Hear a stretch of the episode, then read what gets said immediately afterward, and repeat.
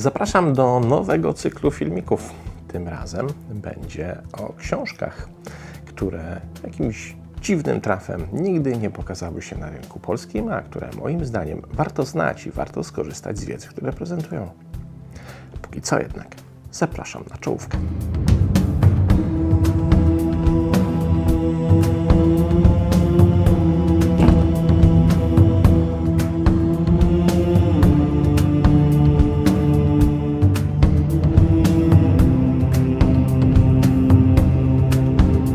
Niestety, co trzeba powiedzieć uczciwie i szczerze, mamy pecha. Nie żyjemy w anglojęzycznym kraju, który karmi się anglojęzyczną literaturą i z tego powodu bardzo dużo książek wartościowych i naprawdę istotnych, z których moglibyśmy skorzystać, po prostu nie pojawia się na polskim rynku czytelniczym, bo nie jest wydawaniem takich książek zainteresowana większość wydawnictw. I po prostu umykają naszej uwadze, stają się dla nas niewidzialne. Nie mamy pojęcia o ich istnieniu, nie zdajemy sobie z ich istnienia sprawy, a zatem nie jesteśmy w stanie z nich skorzystać. Z wielką dla nas szkodą, bo wśród tych nie pojawiających się na polskim rynku wydawniczym pozycji wiele jest naprawdę bardzo interesujących. I w tym właśnie cyklu pod tytułem Niewidzialne książki będę chciał Wam opowiedzieć o tych książkach, które moim zdaniem są tego po prostu warte. Szkoda by było, byśmy na nie nie zwrócili uwagi, szkoda by było, by nam umknęły, a możemy stamtąd czerpać naprawdę fantastyczną wiedzę.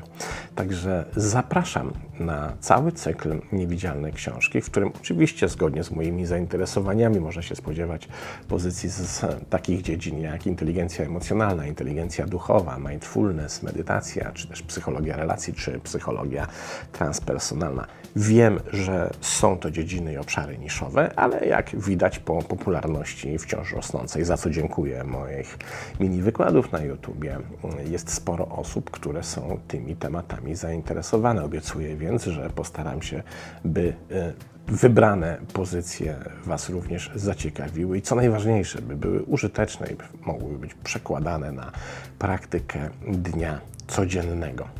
Dobrze też by było odpowiedzieć sobie na pytanie, dlaczego tak się dzieje, że gro tych książek nie trafia na polski rynek czytelniczy. Ja tutaj mam dwóch faworytów jako źródła i przyczyny tego typu zjawiska. Pierwsza rzecz to prawa autorskie. Ich cena bowiem często jest zaporowa dla wydawnictw, które kiedy biorą pod uwagę kalkulację tej ceny w swoim biznesplanie wydawniczym, to okazuje się, że po prostu wydanie tej książki byłoby najzwyczajniej w świecie nieopłacalne. Druga przyczyna tkwi w podejrzeniach o tym, że zainteresowanie polskiego czytelnika tego typu książkami będzie dość znikome, bo to są mimo wszystko książki z dość niszowych dziedzin. A zatem polskie wydawnictwa po prostu nie widzą w tym interesu. Trudno im się dziwić, ponieważ polski rynek wydawniczy jest tak naprawdę wciąż bardzo malutki w porównaniu z pozostałymi krajami Europy. Za 2011 rok to są ostatnie źródła Eurostatu dotyczące czytelnictwa europejskiego. Byliśmy na 17 miejscu, jeśli chodzi o Europę, w pozycjach czytelniczych.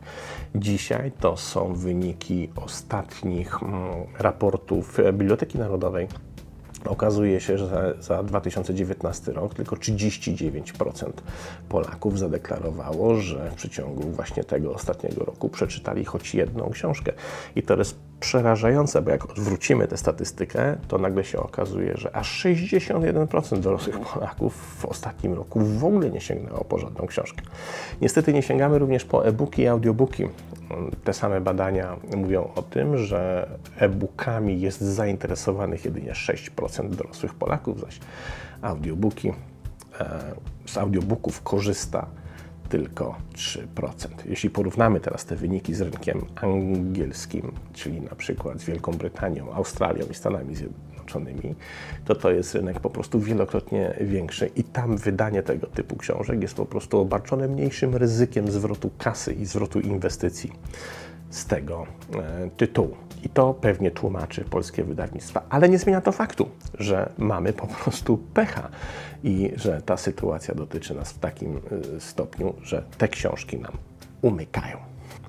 Będę się również starał dobierać te książki nie tylko i wyłącznie pod względem klucza ich nowości, czyli tego, że są to książki sprzed roku, dwóch, trzy, trzech, na przykład takie, których polskie wydawnictwo jeszcze nie zdążyło wydać, ale również takie książki, które umknęły naszej uwadze, mimo iż są na rynku wydawniczym anglojęzycznym obecne od lat kilkunastu lub czasem kilkudziesięciu, bo kluczem nie jest ich wiek, ale kluczem przynajmniej dla mnie jest aktualność wiedzy i istotność tego, co prezentują dla nas i z czego możemy jako czytelnicy skorzystać.